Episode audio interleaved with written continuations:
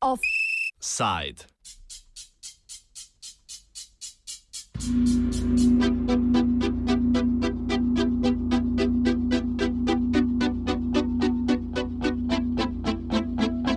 Boj za nova telekomunikacijska omrežja. Pred petimi dnevi je nekdanji ministr za javno upravo Boris Koprivnikar na osebnem Facebook profilu objavil, da se bo v zasebni ljubljanski družbi BTC DD zaposlil kot izvršni direktor za poslovno transformacijo. To vrstno karjerno napredovanje Koprivnikarja, sicer člana stranke Modernega centra, ne bi bilo nič posebnega, če ne bi ista družba 1. junija letos pridobila odločbe o dodelitvi radijske frekvence za tešnji frekvenčni spektr pete generacije za obdobje treh let. Razliko med frekvencami četrte in pete generacije piše Dušan Caf iz Sveta za elektronske komunikacije Republike Slovenije. Ja, zdaj, ta omrežja omogočajo povezovanje večjega števila naprav in s pojavom novih tehnologij, izvajanje novih tehnologij, kot so internet stvari, oziroma internet vsega, uh, bo število naprav, ki bodo povezane v internet, uh, celovito naraslo in za te potrebe je treba zgraditi novo omrežje in, in to je to omrežje pete generacije z novimi standardi, z novimi napravami. Uh, omogoča bistveno više prenosne hitrosti, uh, krajše odzivne čase, večjo zanesljivost, uh, tudi drugače deluje, drugače je standardizirano, drugačne aplikacije omogoča in uh, seveda zato je industrija zainteresirana. Uh, da začne čim prej testirati, razvijati uh, nove tehnologije in uvajati, in seveda, uh, tukaj gre za interese, kdo bo zmagovalec v tej novi igri.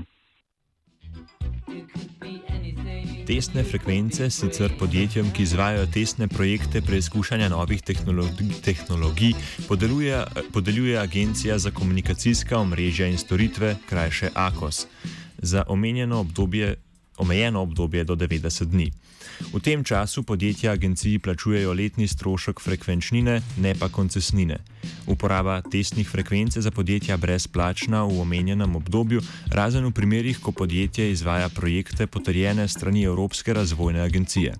V takih primerih lahko podjetja testne frekvence po dopolnitvah 53. člena zakona o elektronskih komunikacijah, ki ga je leta 2015 pripravilo Ministrstvo za znano, izobraževanje, znanost in šport, podeli za obdobje treh let. Več o spornosti 53. člena pove CAF. Tisto, kar je tukaj sporno, mogoče je, je sam zakon, ne, ker v zakonu so brez neke uh, razumljive podlage spremenili 53. člen na tak način, da so omogočili daljše časovno obdobje za testiranje samo za evropske razvojne projekte. Uh, jaz mislim, da to je osnovna napaka, ker ta izključuje potem vse ostale, tiste, ki recimo sami investirajo v razvoj, sami razvijajo tehnologije, uh, tisti so izključeni. Da če je kdo recimo zaprosil, pa je bil samo 90 dni na mesto uh, do treh let, potem je seveda uh, tukaj bila diskriminacija, ki je pa ki je sporna, ne, ker je bila pogojena z zakonom. Tako da tukaj gre za neko poseganje uh, na, na trg, ki, ki je v bistvu nespremljiva in ne, nezakonita.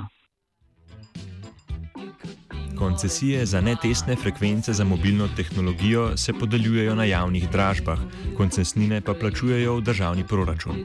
Leta 2014 je cena frekvenc četrte generacije mobilne telefonije v Sloveniji na dražbi dosegla skupaj 148 milijonov evrov in sta razdelila med različne telekomunikacijske ponudnike. Telekom Slovenije, Simobil in Tušmobil so za nje ponudili vsak več, po več deset milijonov evrov.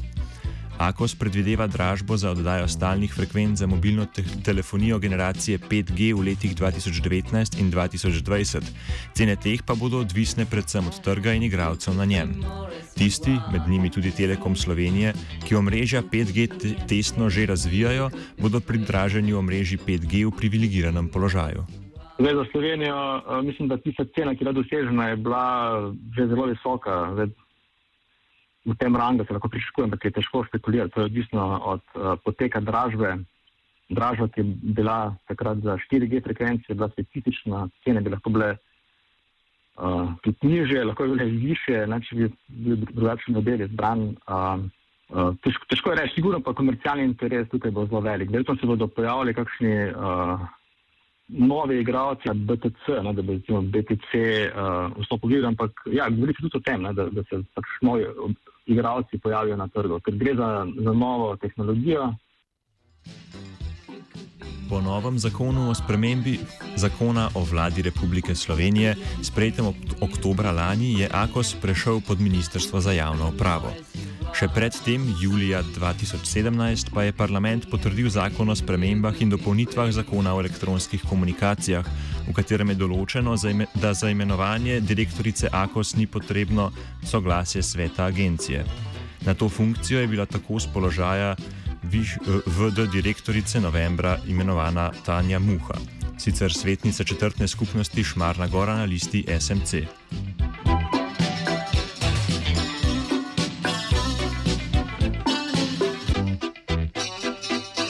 Akos je januarja 2017 na pobudo Evropske komisije objavil slovensko pobudo in pozval k prijavi projektov za testiranje in prihodno rabo tehnologije 5G. Aprila letos je Akos na mesto zakonske 30-dnevne izpeljal 16-dnevno javno razpravo zainteresirane javnosti o osnutku strategije upravljanja z radiofrekvenčnim spektrom. Med pomembnejšimi pripombami na besedilo je predvsem zaznamek o nejasnosti povezav med pridobitvijo frekvenc v tesne namene in dejansko uporabo po letu 2020.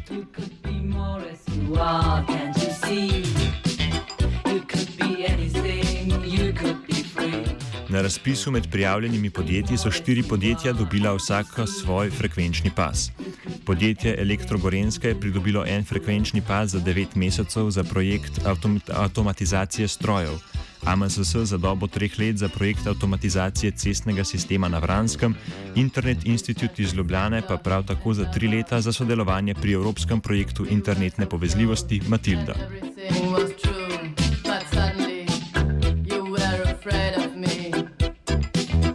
Družba BTC-DD je svoj frekvenčni pas za obdobje treh let pridobila 25. aprila, samo tri dni po končani skrajšani javni razpravi in še pred objavo pripomb. Odločbo AKOS o pridobitvi testnih frekvenc BTC-ju je podelil kar Koprivnikar sam in sicer za projekt testiranja povezanih in avtonomnih vozil na območju BTC City Ljubljana, ki ga bo družba izvajala skupaj s čarinskim podjetjem AV Living Lab. Dušan Caf na tem mestu izpostavlja, da je pridobitev tesne frekvence strani družbe Avia Living Lab lahko sporna ravno zaradi morebitnega ustvarjanja nekonkurenčne pozicije drugih podjetij na trgu. Projekt namreč raziskuje ravno visokofrekvenčna območja radijskega spektra, ki bodo po tržni dražbi za telekomunikacijska podjetja zaradi svojih lastnosti najbolj zanimiva. Družba BTC-DD bi namreč lahko na trg skupaj z že uveljavljenimi telekomunikacijskimi podjetji vstopila kot popolnoma nov ponudnik mobilne telefonije. Naprave je potrebno zamenjati, lahko se iste lokacije uporabljajo, ampak recimo potem, ko bodo više frekvence, ta tehnologija deluje v vseh treh frekvenčnih pasovih, uh, teh glavnih ne, ob, ob, območjih. Uh, torej pri nizkih frekvencah, tam 600-700 um, MHz, potem pa v tem pasu recimo 3,4 3,8 GHz, pa tudi v višjih, ne, zdaj recimo promovira se 26, odpirajo se nove, nove frekvenčni pasovi, ki morajo biti uh, usklajeni na svetovni kon radijski konferenci, ki bo leta 23. Uh, takrat se bo potem videlo, v katero smer bo šlo, ampak za te visoke frekvence potem seveda uh, je treba več, več baznih postaj za, za pokrivanje v mesto.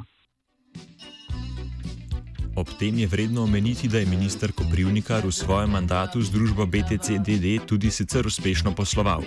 Na povabilo hčerinskega podjetja BTC AV Living Lab je predstavnikom avstrijske Magne Steyr predstavil dosežke na področju digitalne preobrazbe Slovenije. Podjetje AV Living Lab je junija letos vključil v svojo delegacijo na, pot, na poti v Hanover. Januarja pa je na sedež BTC pripeljal tudi Evropsko komisarko za digitalno preobrazbo in družbo, Marijo Ivanovo Gabriel.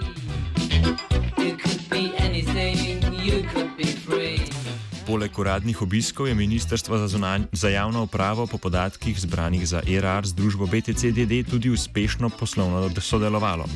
Pred nastopom Koprivnikarja je Ministrstvo za javno upravo z družbo BTCDD sklenilo za 54 708 evrov poslov, po nastopu funkcije pa je z BTC-jem sklenilo za 823 339 evrov poslov, predvsem iz naslova preselitve sedeža carinskih dejavnosti na območje BTC City Ljubljana.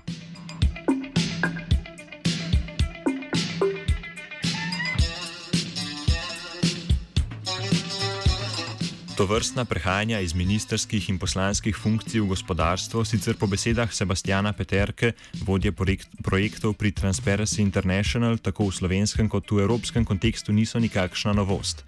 Povezana so s konceptom, ki ga strogovnjaki imenujejo s pojmom vrtljivih vrat. Izraz vrtljiva vrata se navezuje na, na pojav prehajanja oseb uh, iz javnega v zasebni sektor oziroma uh, obratno in sabo v okolju, kjer regulacija ni primerna, prihaja do določenih korupcijskih tveganj.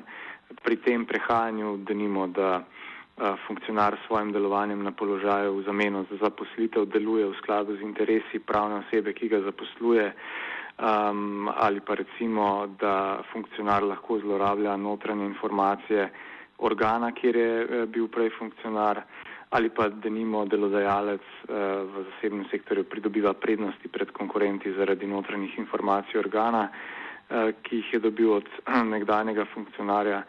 Um, tako da tukaj je kar nekaj, kar nekaj zadev, uh, ki se tu lahko pojavijo. Se pa pri tem pojavlja vprašanje o možnih korupcijskih dejanjih in lobističnih tveganjih. Ta pri nas sicer ureja zakon o integriteti, ki v teoriji sicer določa omejevanje zaposlovanja ministrov, poslancev in javnih uradnikov v gospodarskih panogah, kjer bi lahko lobistično ali koruptivno delovali. Pojasnjuje Peterka. V Sloveniji sicer imamo v zakonu o integriteti in preprečevanju korupcije delno zadevo urejeno, ampak zelo osko. Po 36. členu gre za začasno prepoved poslovanja po prenehanju funkcije. Tukaj je rok dve leti, ko funkcionar v razmerju do organa, kjer je prej upravljal funkcijo, ne sme nastopati kot predstavnik poslovnega subjekta, kjer je sedaj zaposlen. Se pravi, to je dvoletni rok, potem je enoletna prepoved poslovanja organa s podjetjem funkcionarja, kjer je ta udeležen z več kot petodstotnim uh, deležem. Uh, potem pa je še uh, 56. člen oziroma tretji odstavek tega člena, kjer gre pa za prepoved lobiranja in tudi ta traja dve leti.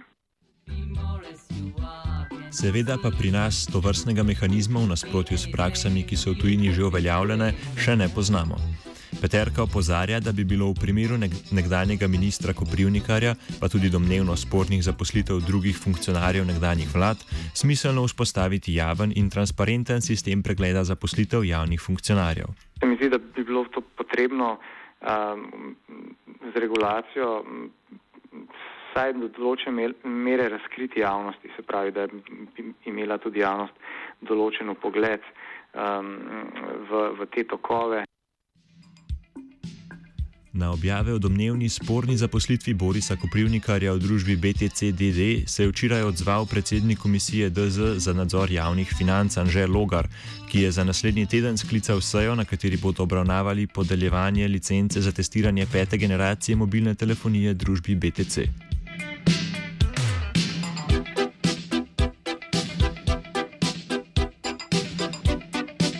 Tu pa se zgodba o morebitnih interesih Borisa Koprivnikarja še ne konča. Bojan Požar v svojih člankih, objavljenih na svojem portalu, izpostavlja še njegove apetite po predsedovanju družbi Telekom Slovenije, v upravi katere je SMC v preteklosti že kadrovala. Telekom Slovenije tesne frekvence omrežja 5G za komercialno rabo že preizkuša, po zakonu seveda, o, po zakonu seveda v omejenem obdobju 90 dni. Na novice o tem, kaj bi prineslo morebitno poslovno sodelovanje Koprivnikarja, sedaj zaposlenega v družbi BTC z največjim državnim telekomunikacijskim operaterjem, bomo počakali do takrat, ko bo jasno, kdo bodo glavni igravci v novem telekomunikacijskem omrežju pete generacije. Ob tem pa bomo tudi izvedeli ne le, ali je bila zaposlitev Koprivnikarja sporna, temveč tudi, ali predstavlja lobistična oziroma korupcijska tveganja. Današnji požarni offside zaključuje Peterka. Se mi zdi, da na prvi pogled um, zaenkrat ni prišlo do nekih kršitev uh, zakonodaje, enostavno zato, ker se v tem primeru zaenkrat samo pogovarjamo o nekih uh, zadevah, ki so se dogajale v času ministrovanja, uh, se pravi te začasne prepovedi, ki pa so v ZNTPK, pa se nanašajo na, na kasnejšo zaposlitev, se pravi prepoved poslovanja in lobiranja.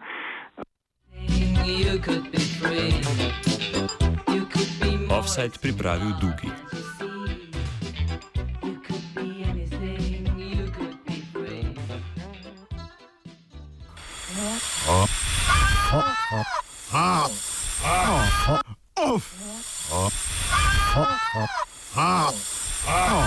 Offside.